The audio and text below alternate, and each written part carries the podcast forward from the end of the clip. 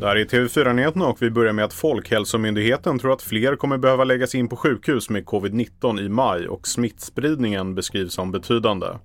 I dagsläget är det ungefär 25 personer om dagen som behöver läggas in på sjukhus för covid men enligt nya beräkningar kommer siffran att öka till det dubbla i mitten av maj, det skriver Dagens Medicin.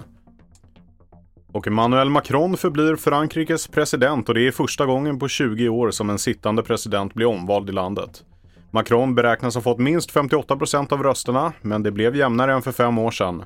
Macrons motkandidat Marine Le Pen fick nu 42% av rösterna och i sommar väntas val till parlamentet. Och på flera mackar kommer en del av bensin och diesel från rysk råolja. Det visar en kartläggning som TV4 Nyheterna har gjort. Det handlar om mackarna OKQ8, Circle K och Ingo. Drivmedelsbolagen är skyldiga att rapportera var alla förnybara komponenter i bensin och diesel kommer ifrån, men ursprunget av den fossila oljan behöver inte uppges. Det är självklart att man inte ska importera olja och naturgas från Ryssland.